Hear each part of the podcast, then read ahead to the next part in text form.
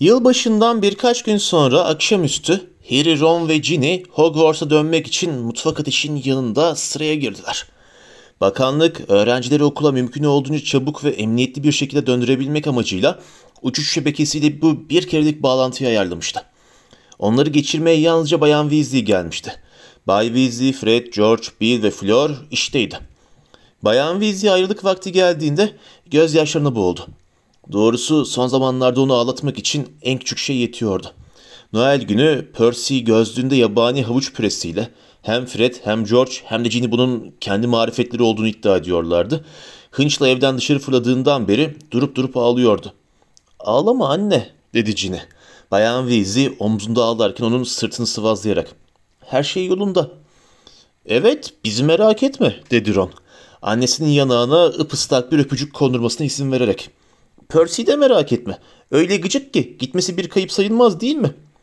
Bayan Weasley Harry'i kollarıyla sararken daha da beter ağlamaya başladı. Söz ver bana kendine iyi bakacaksın. Başını derde sokmayacaksın. Hep öyle yapıyorum zaten Bayan Weasley dedi Harry. Be- beni, beni bilirsiniz sakin bir hayatım var. Bayan Weasley gözü yaşlı kıkırdadı ve geri adım attı. Uslu olun hepiniz. Harry zümrüt rengi ateşe adım attı ve Hogwarts diye bağırdı.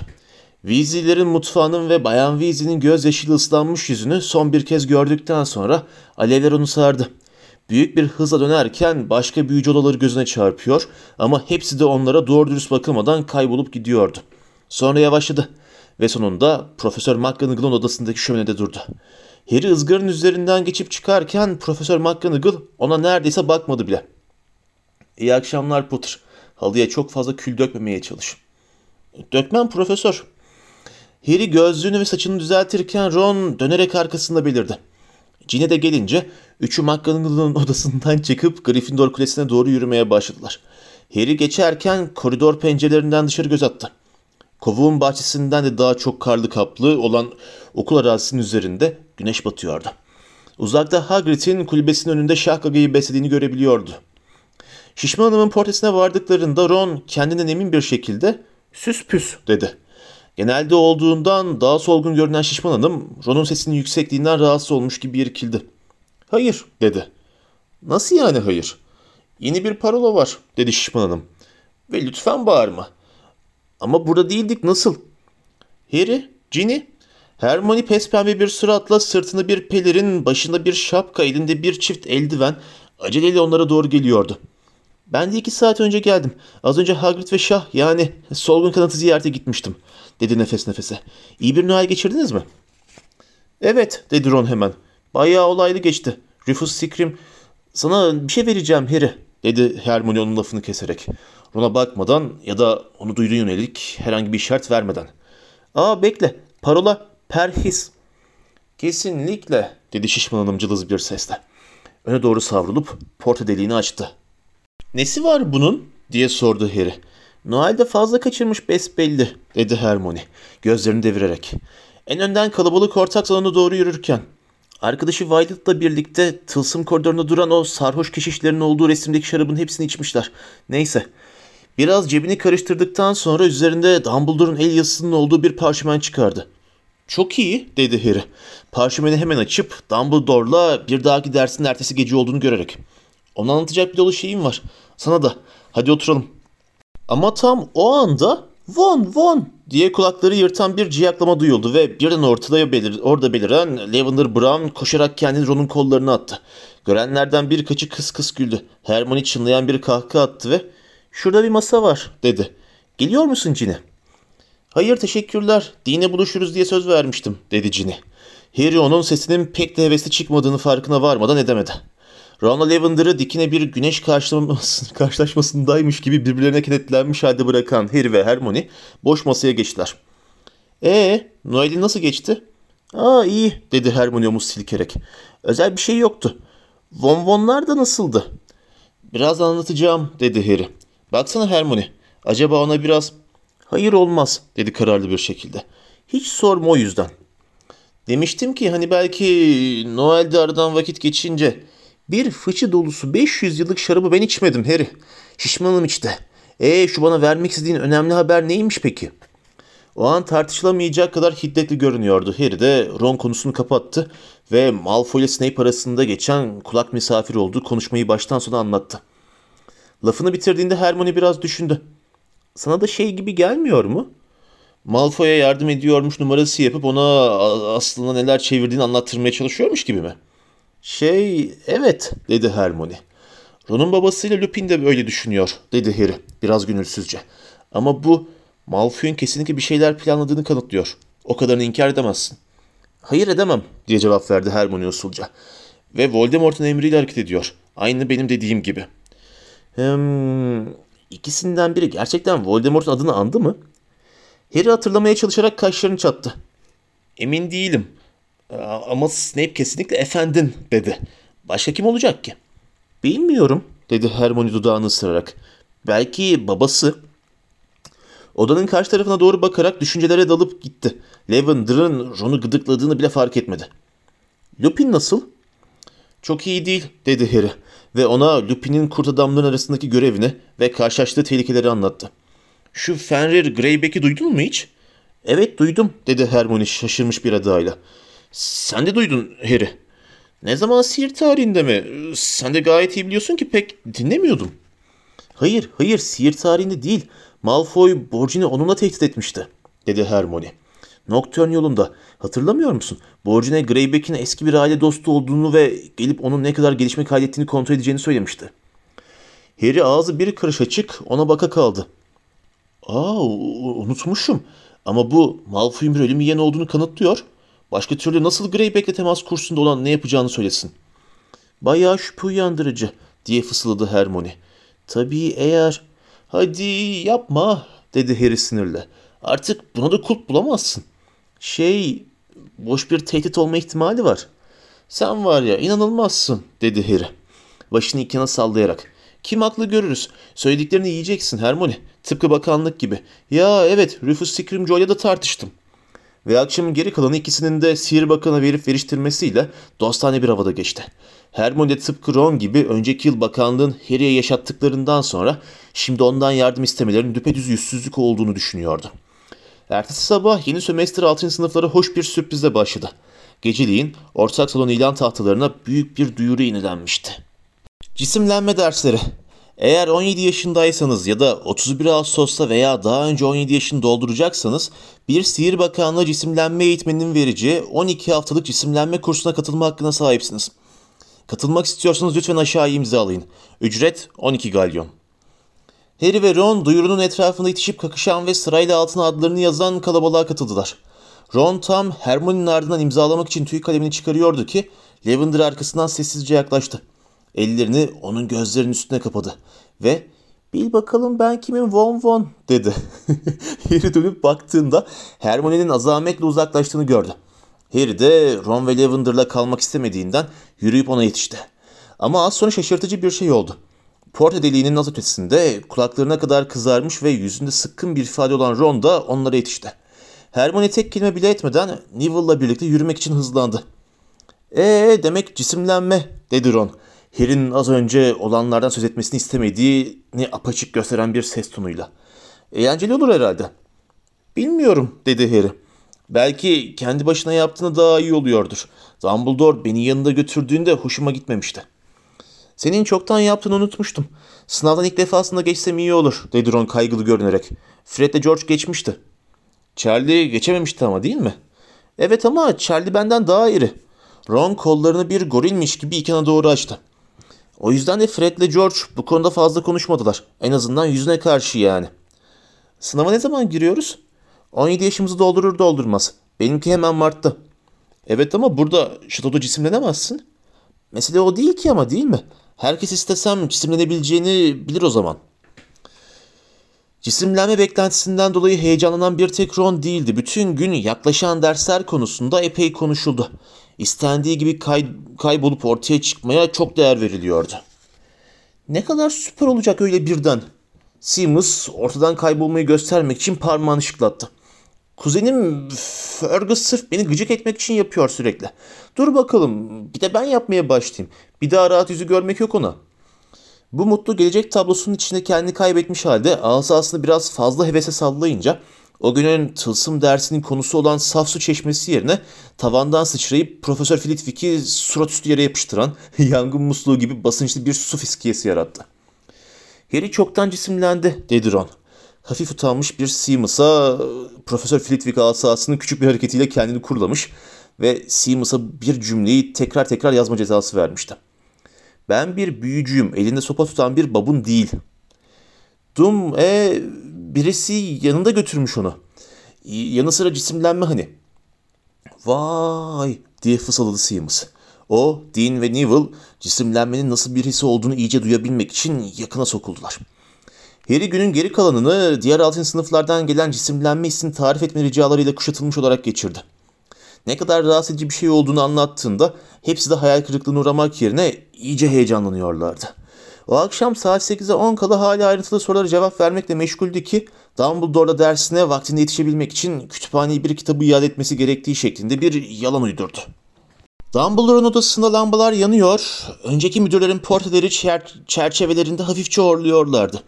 Ve düşünseli bir kez daha masanın üzerinde hazır bekliyordu. Dumbledore'un elleri düşünselin iki yana duruyordu. Sağ eli önceki kadar kararmış ve yanık görünümlüydü.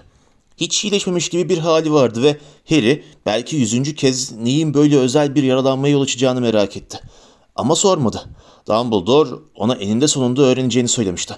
Ayrıca zaten konuşmak istediği başka bir konu vardı. Ama Harry Snape ile Malfoy konusunda hiçbir şey söyleyemeden Dumbledore konuştu. Noel'de sihir bakanıyla tanıştığını duydum. Evet, dedi Harry. Benden pek memnun kalmadı. Hayır, dedi Dumbledore için çekerek. Benden pek memnun değil. Ancak kaderimizin içine gömülmemeye, savaşa devam etmeye çalışmalıyız Harry. Harry sırıttı. Benim büyücü topluluğuna bakanlığın harika bir iş çıkardığını söylememi istedi. Dumbledore gülümsedi. Biliyor musun? Fikir aslında Fudge'ın fikriydi. Görevdeki son günlerinde çaresizce makamına tutunmaya çalıştığı sırada seninle bir görüşme yapmak istedi. Ona destek verirsin umuduyla. Geçen yıl yaptığı onca şeyden sonra mı? Dedi Harry kızgın bir sesle. Umbridge'den sonra mı? Cornelius'a böyle bir şeyin söz konusu bile olamayacağını söyledim. Ama o görevden ayrıldığında fikir ölmedi. Scrimgeour'un atanmasından sonraki birkaç saat içinde kendisiyle buluştum. Benden seninle bir görüşme ayarlamamı istedi. Demek o yüzden tartıştınız, dedi Harry heyecanla. Gelecek postasında çıktı. Gelecek de arada sırada gerçeği haber verecek tabii, dedi Dumbledore. Tamamen tesadüf eseri de olsa. Evet o yüzden tartıştık. Eh demek Rufus sonunda seni kıstırmayı başardı. Beni tepeden tırnağa Dumbledore'un adamı olmakla suçladı. Ne büyük kabalık. Ben de öyleyim dedim. Dumbledore konuşmak için ağzını açtı sonra yine kapadı. Harry'nin arkasında Anka Fawkes usulca yumuşak müzikal bir çığlık koyverdi. Harry birden Dumbledore'un parlak mavi gözlerinin hayli sulandığını gördü. Fena halde mahcup bir şekilde derhal bakışlarını dizlerine kaydırdı. Ancak Dumbledore konuştuğunda sesi titremiyordu. Çok duygulandım Harry. Scrimgeour Hogwarts'ta olmadığınız zaman nereye gittiğinizi öğrenmek istedi, dedi Harry, bakışlarını dizlerinden ayırmadan. Evet, o konuda çok meraklı, dedi Dumbledore. Şimdi sesi neşeli çıkıyordu. Bu yüzden Harry yeniden başını kaldırabileceğine karar verdi. Hatta beni takip ettirmeye bile kalkıştı. Eğlenceli aslına bakarsan. Beni takip etsin diye Dovlish'i peşime taktı. Nazik bir hareket değildi. Dovlish'e zaten daha önce bir kez büyü yapmıştım. Büyük bir üzüntüyle bir kez daha yapmak zorunda kaldım. Yani hala nereye gittiğinizi bilmiyorlar diye sordu Harry. Bu merak uyandırıcı konuda daha fazla bilgi edinmeyi umarak. Ama Dumbledore yarım ay biçimli gözlüğünün üzerinden bakıp gülümsemekle yetindi. Hayır bilmiyorlar ve henüz senin bilmenin vakti de gelmiş değil. Şimdi devam edelim diyorum. Tabii başka bir soru şey yoksa. Aslında var efendim, dedi Harry. Malfoy ve Snape hakkında. Profesör Snape Harry. Ee, evet efendim. Profesör Slughorn'un partisinde konuştuklarını kulak misafiri oldum. Şey, aslında onları takip ettim. Dumbledore Harry'nin öyküsünü ifadesiz bir yüze dinledi. Harry anlatmayı bitirdikten sonra da bir süre konuşmadı ve sonunda ''Bana bunları anlattığın için teşekkür ederim Harry. Ama bence aklından bunu çıkar.'' dedi. ''Çok önemli olduğunu düşünmüyorum.'' ''Çok önemli olduğunu düşünmüyor musunuz?'' Diye tekrar etti Harry inanamayarak. ''Profesör, anlıyorsunuz değil mi?'' ''Evet Harry. Olağanüstü bir beyin gücüyle donanmış, talihli biri olarak bana anlattığın her şeyi anladım.'' dedi Dumbledore biraz sert bir şekilde. Hatta bence senin anladığından daha fazlasını anlamış olmay- olmam ihtimalini bile göz önüne alabilirsin. Tekrar söylüyorum. Konuyu bana açtığına memnunum. Ama seni temin ederim bana huzursuzluk veren hiçbir şey anlatmadın. Harry orada sessizce içten içe köpürerek oturdu. Ve Dumbledore'a öfkeli gözlerle baktı. Neler oluyordu? Dumbledore gerçekten de Snape'e Malfoy neler çevirdiğini öğrenme emri vermiş. Dolayısıyla Harry'nin az önce anlattıklarını zaten Snape'ten duymuş muydu? Yoksa duyduklarından gerçekten endişelenmişti de belli mi etmiyordu? Yani efendim, dedi Harry, kibar, sakin olduğunu umduğu bir sesle. Hala e, kesinlikle güveniyorsunuz. Bu soruya zaten cevap verecek kadar müsamaha gösterdim, dedi Dumbledore. Ama sesi artık müsamahalı çıkmıyordu. Cevabım değişmedi. Elbette değişmeyecek, dedi küçümser bir ses. Belli ki Finis Nigelus sadece uyuyormuş numarası yapmıştı. Dumbledore onu duymazdan geldi. Ve şimdi Harry, devam etmemiz konusunda ısrar etmek zorundayım. Seninle bu akşam konuşmam gereken daha önemli şeyler var. Harry orada içten içe isyan ederek oturdu. Konunun değiştirilmesine izin vermeyi reddetse, Malfoy aleyhindeki savunduğu ısrar ne olurdu acaba? Dumbledore onun zihnini okumuş gibi baş- başını salladı. Ah Harry, ne kadar sık olur bu, en iyi arkadaşlar arasında bile. Her birimiz kendi söyleyeceğinin karşı tarafın katkısından çok daha önemli olduğuna inanır. Sizin söyleyeceğinizin önemsiz olduğunu düşünmüyorum efendim, dedi Harry gergin gergin. Eh, çok da haklısın. Çünkü değil, dedi Dumbledore güçlü bir sesle. Bu akşam sana göstereceğim iki anı daha var. İkisi de muazzam güçlüklerle ele geçirildi ve bence ikincisi topladıklarım arasında en önemlisi. Harry buna hiçbir şey demedi. Hala anlattıklarının karşılama biçimi konusunda kızgındı ama daha fazla tartışmakta bir anlam göremiyordu. Evet, dedi Dumbledore çınlayan bir sesle. Bu akşam geçen dersin sonunda Hogwarts'a geçireceği yılların eşiğinde bıraktığımız Tom Riddle'ın öyküsüne devam ediyoruz. Bir büyücü olduğunu duyunca ne kadar heyecanlandığını, Diagon yoluna giderken benim ona eşlik etmemi istemediğini, benimse onu okula geldikten sonra hırsızlığa devam etmemesi konusunda uyardığımı hatırlayacaksın. Evet, ders yılının başlangıcı gelip çattı ve bununla birlikte elden düşme cübbesinin içinde sessiz bir çocuk olan Tom Riddle da geldi. Seçilmek için diğer birinci sınıflarla birlikte sıraya girdi. Seçmen şapka neredeyse kafasına değer değmez onu Slytherin binasına yerleştirdi diye devam etti Dumbledore. Kararmış eliyle seçmen şapkanın kadim ve kıpırtısız bir şekilde durduğu başının üzerindeki rafa doğru işaret etti.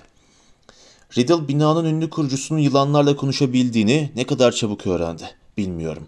Belki de hemen o akşam.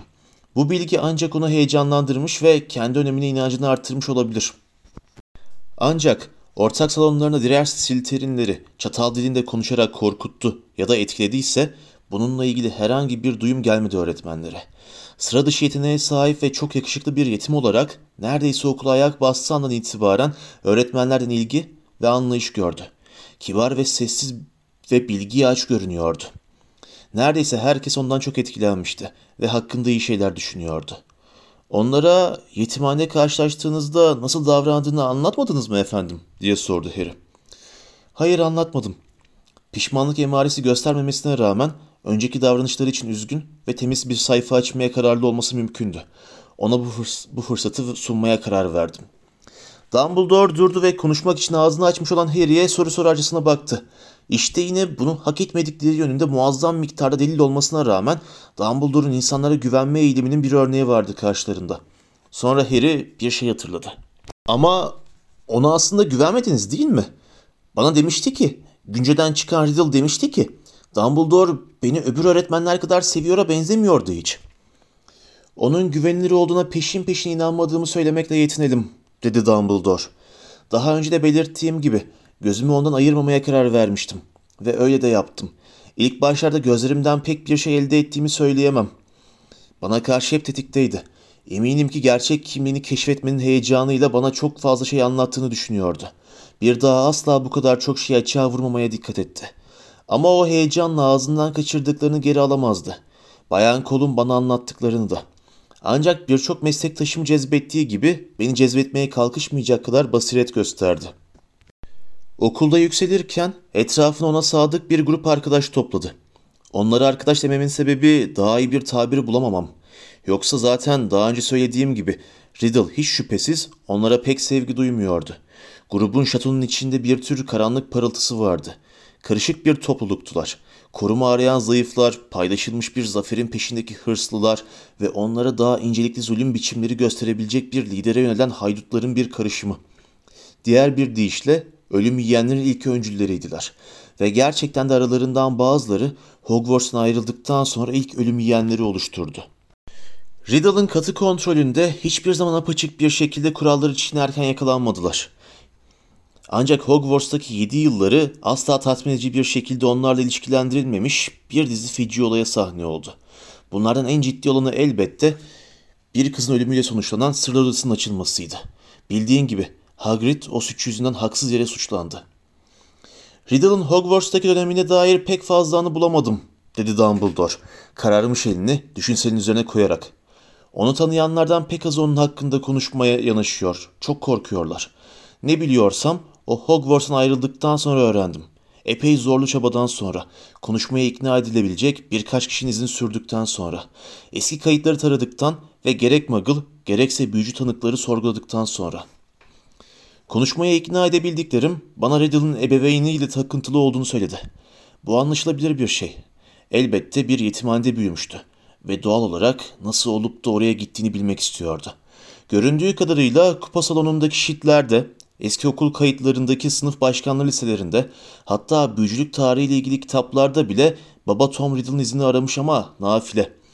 Sonunda babasının Hogwarts'a hiç ayak basmadığını kabul etmek zorunda kalmış. Bence gerçek ismini kullanmayı o zaman bıraktı. Lord Voldemort kimliğine büründü ve daha önce hor gördüğü annesinin ailesini araştırmaya koyuldu. Hatırlayacaksın, ölüm denen o utanç verici insan zaafına boyun eğdiğinden onun cadı olamayacağına kanaat getirmişti. Elindeki tek bilgi yetimhaneyi yönetenlerden annesinin babasının adı olduğunu öğrendiği Marvaldo'ydu. Sonunda büyücü aileleri üzerine eski kitaplarda yürüttüğü kılı kırk yaran araştırmaların ardından Slytherin soyunun hala hayatta olan temsilcilerinin varlığını keşfetti. 16. yaşında yazı her yıl döndüğü yetimhaneden ayrıldı ve Gaunt akrabalarını bulmak için yola koyuldu. Ve şimdi Harry kalkarsan Dumbledore ayağa kalktı. Harry onun elinde içi girdap gibi dönen inci beyazı anılarla dolu küçük kristal bir şey tuttuğunu gördü. Bunu alabildiğim için çok şanslıyım, dedi ışıl ışıl kütleyi düşünseline boşaltırken. Görünce sen de bunu anlayacaksın. Gidelim mi? Harry kalkıp taş çanağa doğru bir adım attı ve itaatkar bir şekilde eğilip suratını ananın yüzeyindeki içeri batırdı. Hiçliğin içinden düşme şeklindeki o tanıdık duyguyu hissetti. Sonra neredeyse tamamen karanlığın içinde kirli taş bir zemine indi. Harry'nin bu yeri tanıması birkaç saniyesini aldı. Bu sırada Dumbledore da yanına inmişti. Gaunt'ların evi şimdi Harry'nin ömründe gördüğü her yerden tarif edilemez bir şekilde daha pisti. Tavanda kapkalın bir örümcek ağ tabakası vardı. Yer kirle kaplıydı. Kabuk bağlamış kapkacak yığının arasında küflenmiş ve çürümüş yiyecekler duruyordu. Yegane ışık kaynağı bir adamın ayağının dibine duran eriyip akan tek bir mumdu. Adamın saçıyla sakalı o kadar uzamıştı ki Harry onun ağzını ya da gözlerini göremiyordu. Ateşin yanındaki bir koltuğa yığılmıştı. Harry bir an onun ölü olup olmadığını merak etti. Ama sonra kapı yüksek sesle vuruldu ve adam irkilerek uyandı. Sağ elindeki bir asa, öbüründe ise kısa bir bıçak kaldırdı. Kapı gacırdayarak açıldı. Girişte elinde eski moda bir lambayla Harry'nin anında tanıdığı bir çocuk duruyordu. Uzun boylu, soluk tenli, koyu renk saçlı ve yakışıklı. Yeni yetmelik çağında Voldemort. Voldemort'un gözleri yavaş yavaş harap kulübede gezindikten sonra koltuktaki adama sabitlendi. Birkaç saniye öylece birbirlerine baktılar. Sonra adam güçlükle doğruldu. Ayağının dibindeki çok sayıda şişe yerde şangırdayıp tıngırdadı. Sen diye bağırdı. Sen.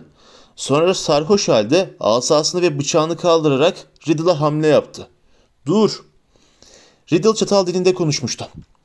Adam masaya yaslandı. Masanın üzerindeki küflü kaplar gürültüyle yere düştü. Gözlerini dikip Riddle'a baktı. Birbirlerini tarttıktan uzun bir sessizlik oldu. Sessizliği adam bozdu. Dili konuşuyorsun ha? Evet konuşuyorum dedi Riddle. Odanın içinde doğru yürüdü. Kapı arkasından kapandı. Harry elinde olmadan Voldemort'un katıksız korkusuzluğuna yönelik kızgınlıkla karışık bir takdir duygusu hissettiği içinde. Voldemort'un suratındaki ifadede sadece iğrenme ve belki de hayal kırıklığı vardı. Marvaldo nerede diye sordu. Öldü dedi öbürü. Yıllar önce öldü değil mi? Riddle kaşlarını çattı. Sen kimsin peki? Ben morfinim değil mi? Marvaldo'nun oğlu mu? Tabii ki öyle. O zaman Morfin Riddle'ı daha iyi görebilmek için saçını pis yüzün önünden çekti. Ve Harry onun sağ elinde Marvaldo'nun siyah taşlı yüzüğünü gördü. Seni o muggle sandım diye fısıldadı Morfin. O muggle'a felaket benziyorsun. Ne muggle'ı dedi Riddle sert bir sesle. Kız kardeşimin abayı yaktığı o muggle, karşıdaki büyük evde yaşayan o muggle dedi Morfin ve beklenmedik bir şekilde yere tam ortalarına tükürdü. Tam ona benziyorsun Riddle ama şimdi o daha yaşlı değil mi senden daha yaşlı. Şimdi düşünüyorum da. Morfin'in biraz başı dönmüş gibi göründü. Biraz sallandı. Hala destek için masanın kenarına tutunuyordu. Geri döndü işte dedi ifadesiz bir sesle. Voldemort Morfin'e bakıyordu. Sanki olasılıklarını gözden geçiriyordu. Sonra biraz daha yaklaştı ve Riddle geri mi döndü dedi. Ya onu terk etti. İyi de oldu gidip pislikle evlenmeseydi dedi Morfin yine yere tükürerek. Bizi soydu bir de kaçmadan önce. Madalyon nerede ha? Silter'in madalyonu nerede? Voldemort cevap vermedi. Morfin yine kendini doldurup giderek öfkeleniyordu. Bıçağını sallayıp bağırdı. Onurumuzu lekeledi ya. O küçük sürtük. Peki sen kimsin? Buraya gelip bunlar hakkında soru soruyorsun. Bitti gitti değil mi? Bitti. Gözlerini başka bir yere çevirdi. Hafifçe sendeledi ve Voldemort ona doğru hareket etti. O hareket ederken de ortalığa doğal olmayan bir karanlık çöktü. Voldemort'un lambasını ve morfinin mumunu söndürdü. Her şeyi söndürdü. Dumbledore'un parmakları Harry'nin kolunu sıkı sıkı tuttu ve birden yine şimdiki zamana doğru uçmaya başladılar. Zifiri karanlığın ardından Dumbledore'un odasındaki yumuşak altın rengi ışık Harry'nin gözlerini kamaştırdı. Hepsi bu mu? dedi Harry hemen. Niye karanlık çöktü? Ne oldu? Çünkü Morfin o noktadan sonrasını hatırlayamıyordu, dedi Dumbledore. Harry'e yerine oturmasını işaret ederek. Ertesi sabah uyandığında yerde yatıyordu. Yalnızdı. Marvaldo'nun yüzüğü gitmişti. Bu arada Little Hangleton köyünde bir hizmetçi ana yolda koşuyor, çığlık çığlığa büyük evin oturma odasında üç ceset olduğunu söylüyordu. Büyük Tom Riddle ve annesiyle babası. Muggle yetkililerinin kafası karışmıştı. Bildiğim kadarıyla bugün bile Riddle'ların nasıl öldüğünü bilmiyorlar. Çünkü Avada Kedavra laneti genellikle arkasında bir hasar hissi bırakmaz. Bunun istisnası ise karşımda oturuyor, diye ekledi Dumbledore. Harry'nin yara izine bakıp başını sallayarak. Öte yandan bakanlık bunun bir büyücü tarafından işlenmiş bir cinayet olduğunu anında anladı. Ayrıca Riddle evinin karşı tarafında sicili bozuk bir Muggle düşmanının daha önce bu öldürülmüş kişilerden birine saldırdığı için hapse atılmış bir Muggle düşmanının oturduğunu da biliyordu. Bu yüzden bakanlık Morfin'i çağırdı. Onu sorgulamaları Veritaserum ya da Zihnefend kullanmaları gerekmedi. Cinayeti oracıkta itiraf etti ve sadece katilin bilebileceği ayrıntılar verdi. Muggle'ları öldürmekten gurur duyduğunu, onca yıl boyunca zaten bu fırsatı kolladığını söyledi. Asasını teslim ettiğinde Riddle'ları öldürmede kullanılan o asa olduğunu hemen kanıtlandı ve hiç mücadele etmeden onu Azkaban'a götürmelerine izin verdi. Onu tek rahatsız eden babasının yüzünün kaybolmuş olmasıydı. Kaybettiğim için beni öldürecek diyordu kendisine ele geçirenlere tekrar tekrar. Yüzünü kaybettiğim için beni öldürecek. Ve anlaşıldığı kadarıyla daha sonra da söylediği tek şey bu oldu. Ömrünün geri kalanını Azkaban'da Marvaldo'nun son aile yadigarının kayboluşunu yas tutarak geçirdi. O duvarların arasında ölüp giden diğer zavallılarla birlikte hapishanenin yanına gömüldü. Yani Voldemort morfinin asasını çalıp onu mu kullandı? dedi Harry daha dik oturarak. Doğru dedi Dumbledore. Bize bunu gösterecek hiç anımız yok. Ama sanırım neler olduğundan hayli emin olabiliriz. Voldemort dayısını sersemletti. Asasını aldı ve vadinin öbür tarafına geçip karşıdaki büyük eve gitti. Orada cadı annesini terk etmiş olan Muggle adamı öldürmekle kalmadı. Muggle büyük annesiyle büyük babasını da öldürdü. Ve böylece hem değersiz Riddle soyunun son temsilcilerini yok etmiş hem de onu hiçbir zaman istememiş babadan intikam almış oldu. Sonra Harap Gaunt kulübesine döndü. Dayısının zihnine sahte bir anı yerleştirerek bir karmaşık büyü yaptı. Morfinin asasını baygın sahibinin yanı başına bıraktı. Parmağındaki kadim yüzüğü çıkarıp cebine attı ve oradan ayrıldı. Ve Morfin suçu kendi işlemediğini hiç fark etmedi mi yani? Hiç, dedi Dumbledore. Dediğim gibi eksiksiz ve övünç dolu bir itirafta bulundu. Ama bütün o süre boyunca bu gerçek anı da kafasındaydı. Evet ama bunu oradan çıkarmak için hayli maharetli zihnefendi seansları gerekti, dedi Dumbledore. Ve morfin zaten suçunu itiraf etmişken niye onun zihninin derinliklerine dalmaya kalksınlar ki? Ancak ben ömrünün son haftalarında morfine bir ziyaret ayarlamayı başardım. O sırada Voldemort'un geçmişi konusunda elimden geldiğince çok şey keşfetmeye çalışıyordum. Güçlükle bu anıyı çıkardım. İçindekileri gördüğümde morfinin Azkaban'dan salınmasını sağlamaya çalıştım. Ancak bakanlık karara varmadan morfin öldü. Ama nasıl oldu da bakanlık Voldemort'un morfine bütün bunları yaptığını anlamadı diye sordu Harry öfkeyle. O sırada reşit değildi değil mi?